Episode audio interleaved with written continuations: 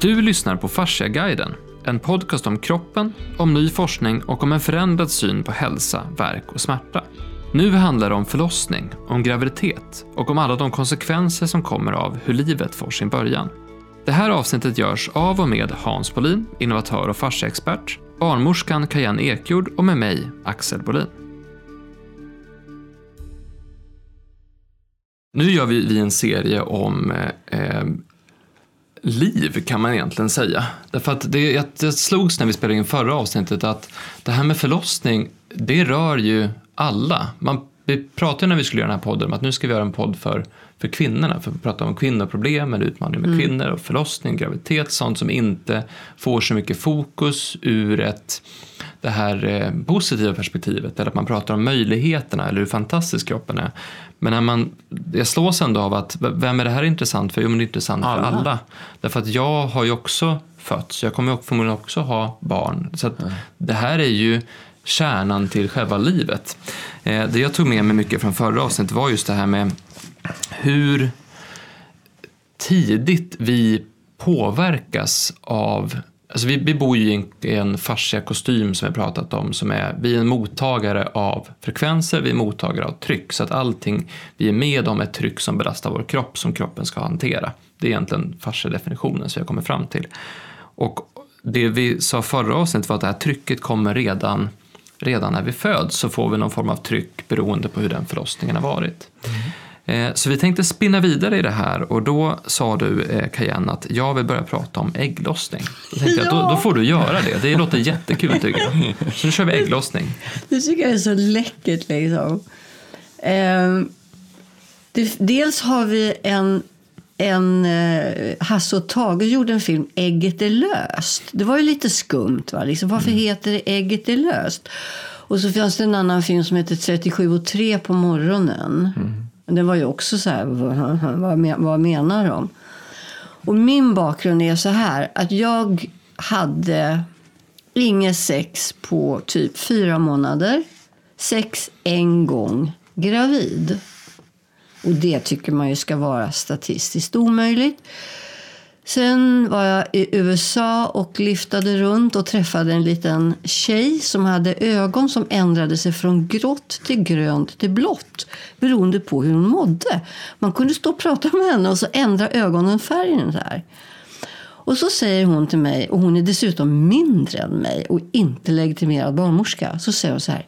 Vet du inte att killarna vet när du har ägglossning?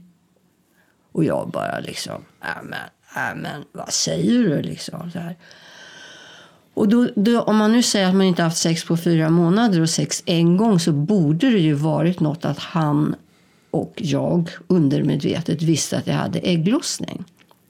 I alla fall, åkte hem till Sverige, bestämde mig för jag ska testa.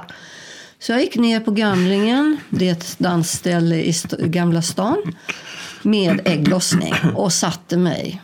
Och vet ni vad? Alltså jag satt i två timmar. Tre killar satt vid samma bord som jag satt. Och de satt där kvar. Och jag fräste. Och jag var otrevlig. Och jag frågade vad, vad sitter ni här för? Och de bara satt. Förstår du? Mm. Tog, de var så förhäxade. Ja, de, de tog ner blicken lite grann så här. Och när det hade gått två timmar och jag försökt sparka dem därifrån och de satt kvar. Så tänkte, då var jag överbevisad. Jag tänkte, här är inte sant. Och jag kommer ihåg när jag gick över Slussen liksom. Med att det är inte klokt som jag uppförde mig. För att kontra eh, bevisa, eller vad det kan heta, så gick jag ner två veckor senare när jag hade mens. Mm. Alla försvann inte. Jag gick fram till och med till en kille och bjöd upp. och han dansade artigt, två mm. danser och sen slängde han tillbaka mig på stolen. Liksom. Mm. Oh my god. Så efter det så var det så här att om jag hade ägglossning och var ute på stan och blev uppvaktad så in i Norden så behövde jag bara fråga så här, vill du bli pappa? Ja, det bara... det var det bästa preventivmedlet man kan tänka sig. Mm. Ja, och, och då tänkte jag så här var också vår kultur. Va? Om du går ut på stan och frågar alla så vet alla att vi är hagger i samband med mens. Det vet alla. Vilka jävla pestråttor vi är när vi har mens. Han är mens liksom. Men när du går ut och frågar, vet ni hur vi är när vi har ägglossning? Men ingen aning. Ah, det ser ut som levande frågetecken. Tänk dig, mitt, min dröm är liksom att en kille ropar på skolgården. Har du ägglossning idag? det, är min, det är min dröm. Men jag tror att alltså, vi, hade, vi, hade en, eh, vi hade en katt. Min mamma är, hon är nu vuxen upp på en, en alltså, hennes far, morfar var ju bonde och fiskare och så. Så väldigt naturlig alltså uppfostran. Ja. Men samtidigt lite li, lite, alltså hon är ju kristen, så lite så att inte för mycket. Alltså, så. Man, hon är ju ganska frisläppt i alla fall, fast ändå inte. Och då hade vi en katt. Och då var det skare, jag tror det var 1973 eller något sånt där, det var skare, så det var ju en meter snö. Och så var mitt emellan alltså, sex stycken hus ligger som har samma tomt och så var det en meter snö, så det var ju som mitt emellan sex hus så satt våran katt. Och det var sex karlar på rad och, och, köka Ja. på, och köka på. Och mamma tycker det var så fruktansvärt pinsamt. Så, de här, Det var hennes katt. Det var, ja, det var våran katt som, som bjöd ut sig på... på men kolla, vad, vad, vad gör katten?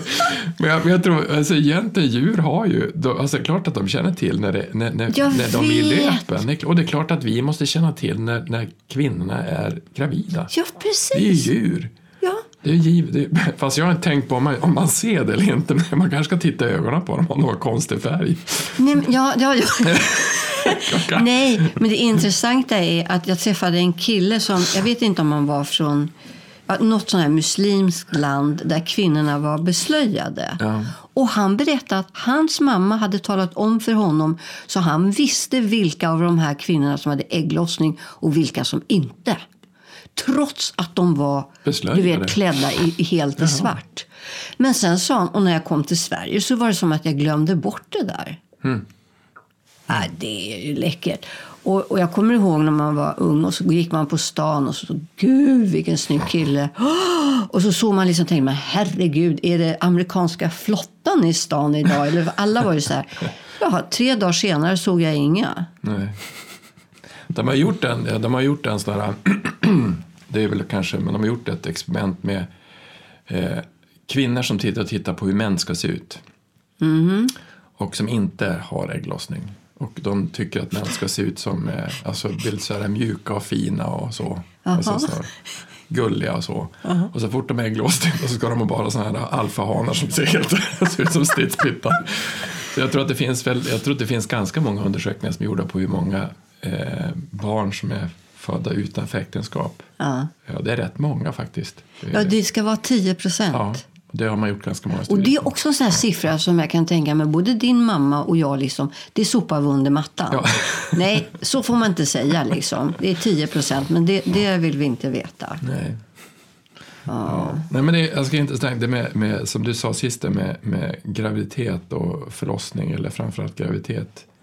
Eh, man är ju som en rookie när man råkar ut för det här. Det är nog alla män, tror jag. Och eh, egentligen är det en lång historia hur vi träffades egentligen, jag och Cayenne, men när Lotta skulle, nu din mamma skulle ha barn, så Lotta skulle ha barn, eller vi fick barn, så sa hon att jag ska minsann inte ha någon smärtlindring alls. Jag ska föda naturligt. Men hon var så smart som visste att jag skulle ha någonting. Alltså, jag vill ha någonting ifall det händer. Så hade vi en, en umgicks vi med en, en kvinna som heter Lilleba Olsén då. Och hon var, hade varit och studerat akupunktur i Kina tror jag. Så de sa att akupunktur är jättebra. Så att du är född, vi ska ha akupunktur. Och gick in på SÖS. Och det fick vi inte ha. vi skulle inte ha. Nej, Det var, det var ju det var ju 90. Och det fick vi inte ha. Men då sa jag att det ska vi visst ha. Vi ska ha akupunktur. Ja, men då, då får du skriva under papper. Ja, det gör jag, så det är inget problem. Så hon fick komma dit och så sen så hade vi. Så jag såg ju när verkarna kommer. Fast Lotta fuskar ju.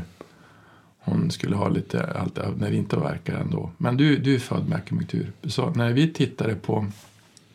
Egentligen så. så 2017 när jag var på i det här bäckenbotteninstitutet i Berlin. Då funderar jag på, för då höll vi mest på med hästar och alltså, häst, alltså hästbehandling, inte så mycket med människo- människobehandling överhuvudtaget. Och hästar som var dräktiga, som, alltså, som skulle ha barn, alltså mm. för, det var inget problem att behandla dem. Det var bra att behandla mm. dräktiga hästar. Det mm. vart inget, de kastade, alltså det vart inget missfall och sånt. Utan det, var med, det är samma sak, det är att det finns spänningar på hästar också. Så att det rekommenderar man att, att vi masserade hästarna. Vid. Ja, men Hans, ja. om det skulle vara så enkelt att ordna abort med hjälp av en liten akupunkturnål. Ja.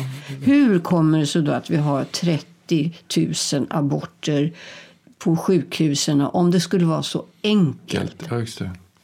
Ja, jag hade just det jag tänkt på. Det är klart att det är så.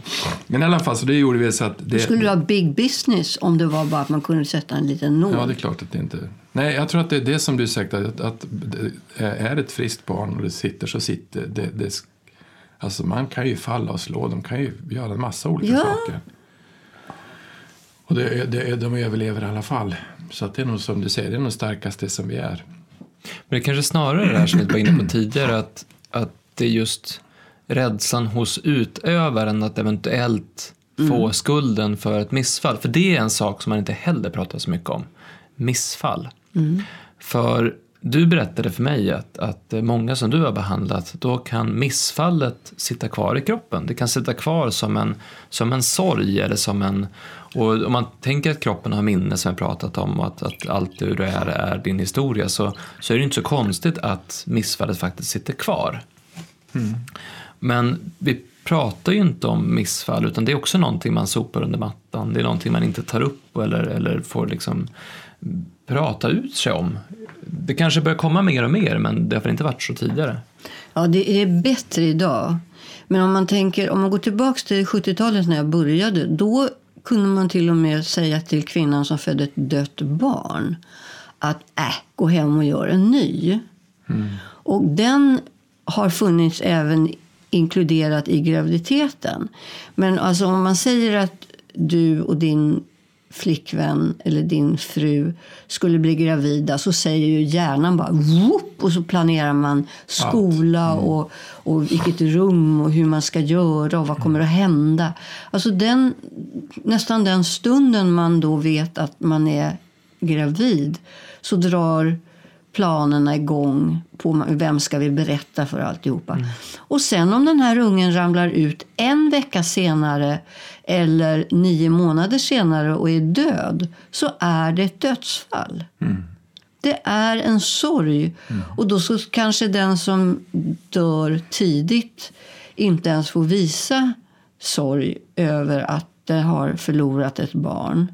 Även om den bara var sju veckor gammal eller vad man ska säga. Och sen det här med...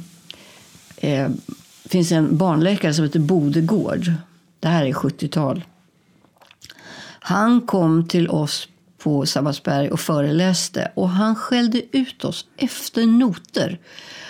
Han menade på att vi ska visa de döda bebisarna. Mm. Vi ska, eh, för det sitter kvar i kroppen, precis som du säger, de här traumorna. Och jag kan ju till exempel gå på fest och så är det någon kvinna, jag säger att jag är barnmorska och då har hon fött barn när, för hundra år sedan och så, tårarna kommer över det här döda barnet. Liksom. Och så berättade han att han hade, när han fick ta tag i de här kvinnorna efteråt så skrek han åt dem tills de skrek ungefär. För att få dem att släppa sorgen.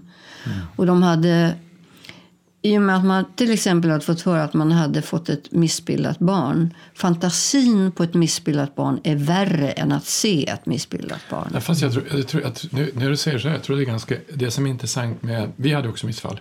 Ja. Så att kroppen sörjer ju, alltså kroppen rent fysiskt sörjer för den är mm. inställd på att, och det hade jag svårt att förstå, att Lotta var så ledsen. Mm. För att det var ju ändå ett missfall. Men när du säger det här rent filosofiskt som är lite intressant är att jag brukar säga till de som sörjer någon som har dött och som är fast i sorgen att det är inte riktigt sant. Därför att om det är någon som, om min morfar, om jag tänker på min morfar som dog 1984 så nu, är han nu ser han ju fast han är död 84 så han kommer alltid leva i mig så länge jag lever. Mm. Men det otäcka egentligen med en, ett missfall det är att vi, det är ett riktigt dödsfall. Mm. Därför att den livet kom aldrig ut. Så att det är en rejäl sorg på ett annat sätt. Och, och, att inte att inte förstå det, att det är faktiskt både en, en, en fysisk sorg, det är någon som har dött, och det är också en psykisk sorg som är kanske är allvarlig, för det vart ingenting. Det vart inget liv. Ja, fast jag har en liten rolig liten tanke där som gör att det blir lite lättare. Jag tänker att många gånger så blir nästa bebis mera älskad. Ibland tänker jag att en unge kommer ner mm. och sen så tänker jag att jag sticker för de verkar inte så intresserade av mig. det var ingen bra timing. det var ingen bra timing.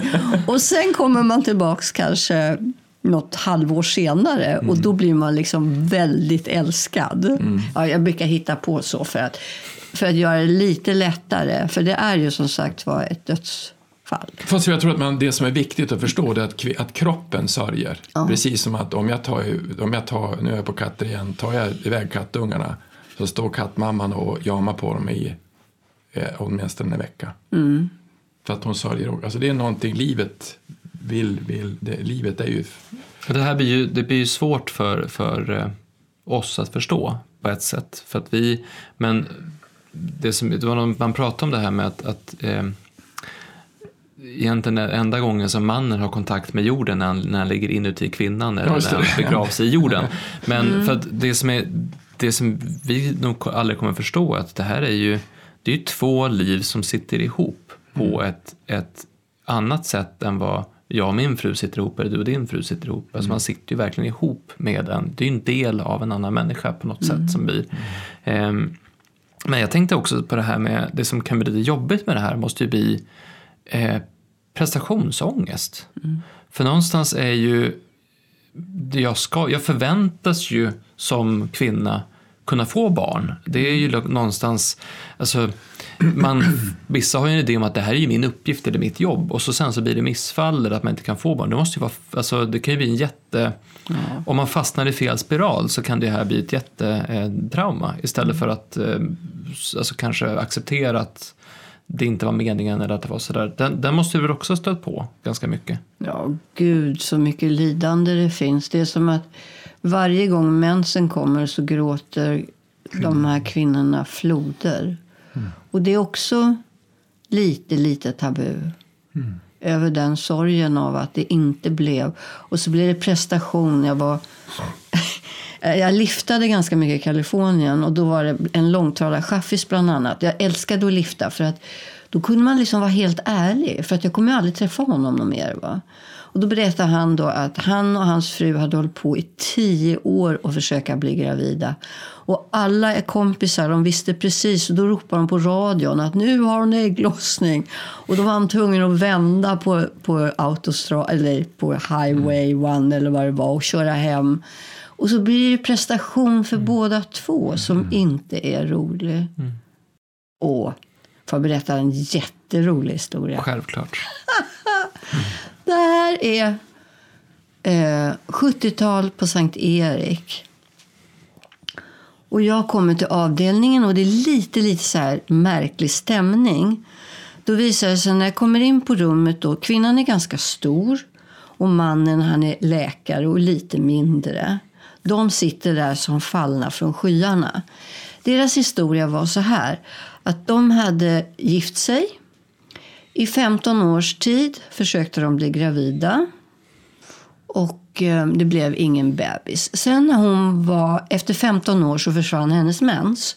Och då tänkte hon att hon var gravid, men då visade det sig att hon var lite för kraftig. Så hon blev rekommenderad att eh, gå ner i vikt.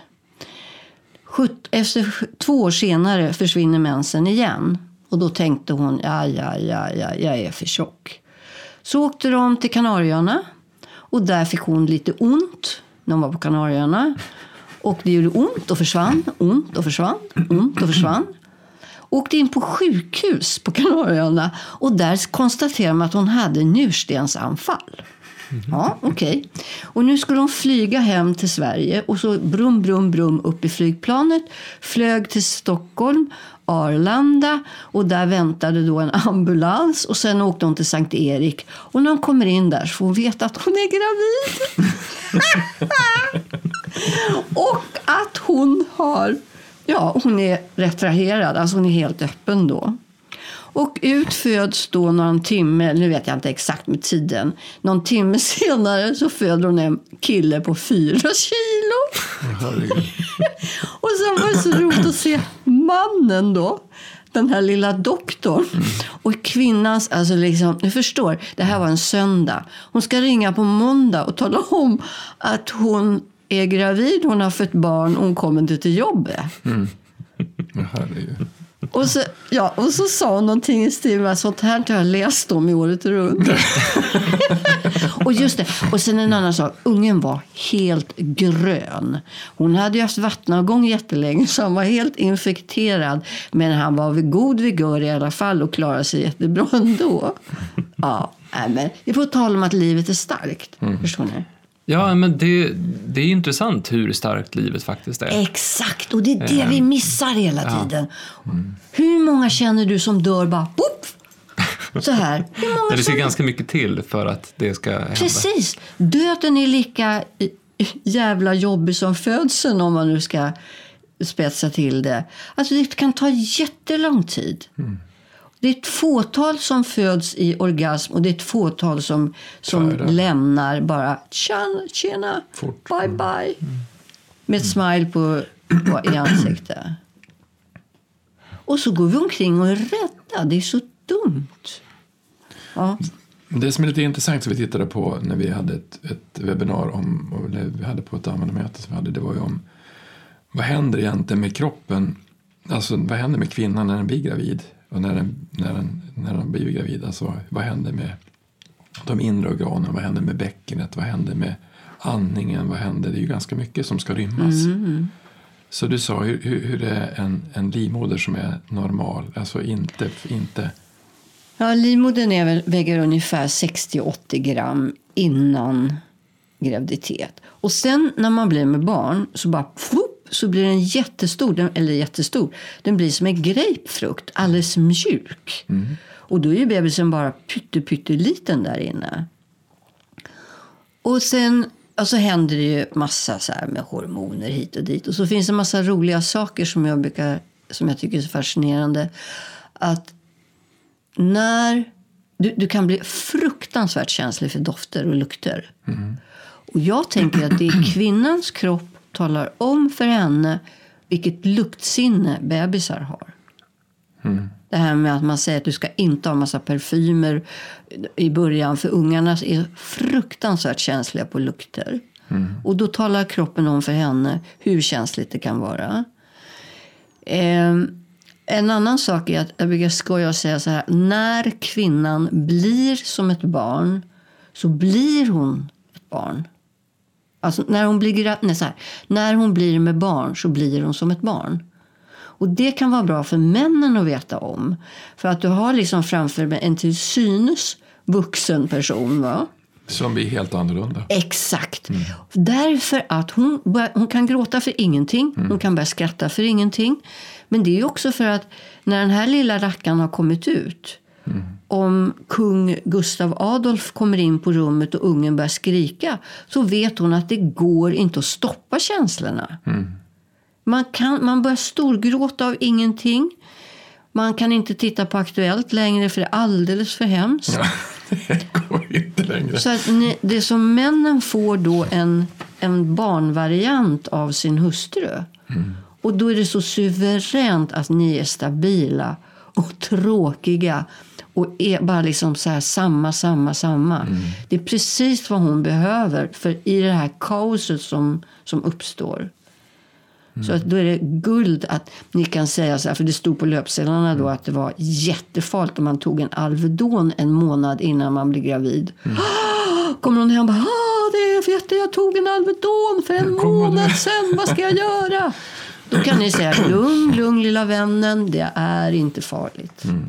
Så det men det som också är intressant, som, är, det, som man tittar rent biologiskt eller rent fascia eller rent kroppsligt så är det ju ganska mycket som Alltså min fru är inte jättelång, hon är 1,62. Det är rätt mycket som ska rymmas in i den där 1,62 Ja. som bara blir lite längre utåt. Men alltså det är, alla, allting blir trängre inuti. Ja. Det är inte så att man blir, det, blir bara, det växer ju inte överallt, det växer ju bara utåt. Men det där så var häftigt som, som eh, Åke Reman då, som håller vår eh, yrkesutbildning för eh, terapeuter som ska behandla människor. Han gick igenom just alltså vad som händer med kroppen när man blir gravid. För det som vi hela tiden glömmer är ju att kroppen är gjord för det här. Alltså kvinnokroppen är gjord för att Den är optimerad ha ett, för det. Den är optimerad för det. Och då visar han just hur, ja, men, hur eh, höftlederna öppnar upp sig lite grann så att, så att bäckenet kan tilta framåt. Därför när bäckenet tiltar framåt så får man en annan typ av lodlinje. Du får en annan typ av svank. Du, du ska ju ändå bära någonting som är tyngt så du kommer flytta fram hela din balans. För det, det kommer någonting tyngre där framme så du måste som ändra det. Men det här är inte ett som man då, det är inte ett sjukdomstillstånd utan en helt normal process. Det som däremot kan hända som man visar på är att om man är i obalans i sitt bäcken, vilket tyvärr många är, vilket vi har kunnat konstatera, så kan det bli och med problematiskt. Framförallt kan man få lite mer ont i ländryggen. Och sen det andra han visar på är att trycket nedåt som kommer på övre delen av bröstryggen, alltså där skulderbladen är ungefär och lite nedanför, där blir det ett ganska starkt tryck för det, den, den strukturen ska som hålla, hålla emot hela tyngden. Och så är man lite obalanserad där så kan man också få ont. Och då menar han på att, precis som du sa, att ett liv är så pass starkt så att det man kan göra för att underlätta för den här personen som är i den här situationen, det är jättebra att göra. Just för att du, Avlasta tryck, alltså Ja, hjälpa kvinnan att, att, att få mindre ont. Alltså avlasta. ja, det finns ju de som börjar få ont i vecka 12 i bäckenet. Ja. Jag menar, ungen väger inte så mycket då. Nej. Men ändå så påverkar ju de här hormonerna. Mycket, mycket mer saker. Men just att förstå att det här är, alltså kvinnan är gjord för det här. Kvinnokroppen är utformad för att kunna göra det här. Vi skulle aldrig, naturen skulle aldrig utsätta oss för någonting vi inte klarar av. Nej, men de kvinnorna skulle ju ha dött ut vid tiden. Alltså vi Ja. borde ju vara skapelsens krona, vi som finns kvar. Och de här som hade för trånga bäcken och felaktigt och, och rakitis och det här, de är ju borta. Men ändå är vi så rädda. Men har inte det att göra lite grann också med att vi har ett lite konstigt sätt att se på våran kropp? Som vi har pratat om tidigare i den här serien. Men också att vi har ett lite märkligt sätt att se på smärta. Eh, vi var inne på, i jag tror att det var avsnitt sju, så pratade vi om hur eh, smärta faktiskt är livet, alltså en stor del av livet. Att det är mina fallgropar och mina svaga stunder som har byggt min karaktär, som har gjort mig stark. Alltså det är någonstans eländet jag har varit med om som hjälper mig att utvecklas som människa och förstå andra människor och så vidare. Och därför blir smärtan otroligt central. Alltså en människa som, alltså, har man inte upplevt smärta har man inte upplevt livet. Nej. Och då slår det med två saker. Den ena är hur häftigt det är. Jag är lite avundsjuk ibland på kvinnor på ett sätt. Därför att ni får uppleva det här i sin spets. Varje månad så får man den här smärtan och döden och alltihopa i sig. Och även den här extasen då som skulle vara motsvarigheten ägglossningen. Så att hela, hela livet får ni varje månad i, alltså i er kropp på ett annat sätt. Det kanske vi också får på något Jag sätt. tror inte alla, det är inte, det är inte säkert att alla håller med. Att Nej, men, alltså, men, men det, är- det är det som är intressant, att jag tror att vi, vi kanske inte riktigt ser det så. Alltså hur vi ser på kroppen påverkar förmodligen hur vi upplever kroppen. Ja, Eh, hur tänkte du där? Att, Alltså de att, som har riktigt ont, de som har eh, mycket PMS-smärta tycker jag kanske inte är jätte...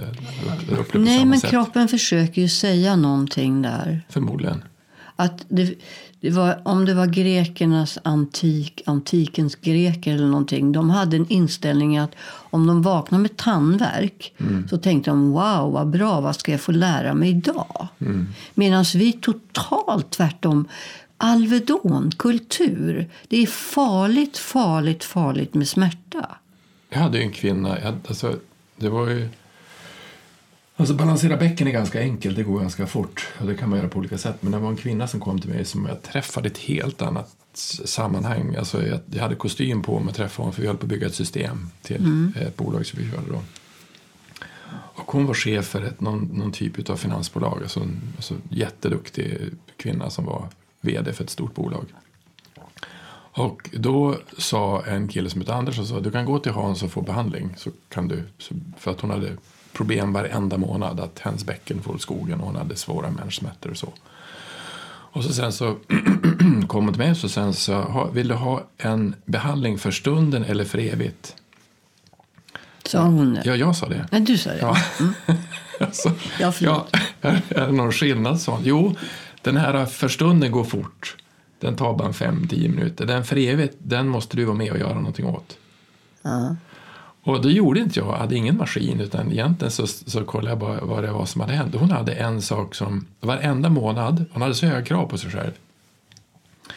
Så att hon hade eh, som fanns att hon, hon räckte minsann inte till.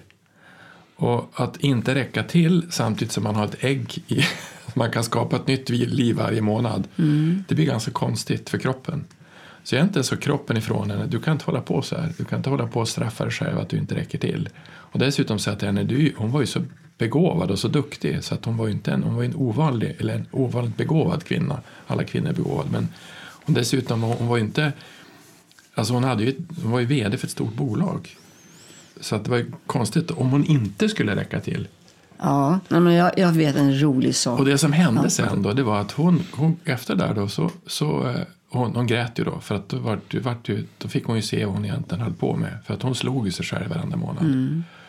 Och då var det ju snett. För att vad skulle du slå dig själv? Du, alltså, alltså räcken till och så nu får du ett eget, jag inte vet jag vad det var för någonting. Men, men hon var ju frisk i sex, veckor, sex månader. Så kom hon tillbaka igen. Alltså, då hade hon gjort samma sak igen. Då, då var det ju, fick hon ont igen. Mm. Så att många saker, jag tror nog kanske som du säger att kvinnor är mer, mera benägna att få se livet i skeenden oftare än vad kanske män får göra på samma sätt. För ni är kanske mer, ni är annorlunda. Ni är kvinnor och vi är män. Mm. Ja, jag tänker så här, om man skulle verkligen våga följa kroppen fullt ut. Då när man har mens så skulle man låsa in sig och gråta. Mm. Och sen så har jag ju hört kvinnor som just jobbar med höga positioner. De lägger ju alla styrelsemöten på ägglossning. Och då får man igenom precis allting. Är det sant? Mm. Ja, kanske. Mm. att man använder sig av det. Men sen behöver man det istället för då är man så fruktansvärt vacker och läcker. Va? Mm. Och attraktiv. Mm. Och alla män gör precis vad man säger. Men sen, borde ni, ni borde vara fantastiska. Ni kanske får allting gjort men, i alla fall. Vad sa du? Ni kanske får allting gjort i alla fall. Det är bara vi som jobbar med och tror att vi bestämmer ändå. Men sen i samband med mens då så är det, livet är hemskt. Mm. Men det är det här som är intressant. Att det här är någonting som alla kvinnor går igenom. Oavsett om man väljer att inte, gå, alltså inte känna efter eller inte så, så är det, här är någonting som faktiskt fysiologiskt händer i kvinnokroppen jämt. Mm. Men det finns ju ingenting i vårt samhälle som är anpassat efter det. Utan du ska ju prestera lika bra när din kropp säger jag har precis släppt ett ägg och jag är ledsen. Mm. Eh, eller, jag, eller, så, mens då, eller, eller att jag har, jag ägglossning på topp. Det spelar liksom ingen roll utan du ska prestera exakt likadant exakt. precis hela tiden. Mm. Vilket egentligen om man tittar på människan, naturen, hur vi lever, hur vi ser ut är lite märkligt. Mm. Och det är frågan hur länge har vi hållit på med det här? För jag kan inte tänka mig att det var så här för 2000 år sedan eller för, för 1000 år sedan eller ens i bondesamhället att man alltid skulle vara ute och göra alltså, mm. så på det sättet. Eller att man, man någonstans totalt struntar i, i kroppen.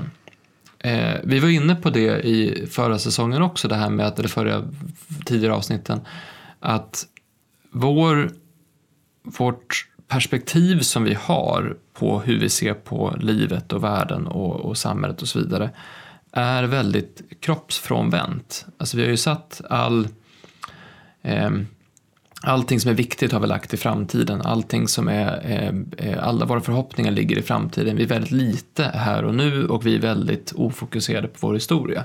Och eftersom vi har det perspektivet så har vi också svårt att se till vår egen kropp här och nu och vår egen historia fysiskt. Mm. Så att vi har ju någonstans hamnat i en loop där vi, där vi vänder oss ifrån oss själva. Vi, vi lyssnar inte på vår egen kropp. Mm. Och det måste du ha sett flera gånger. Att man, alltså, det, du berättade någon gång för mig om, om, om det här med eh, papegojorna.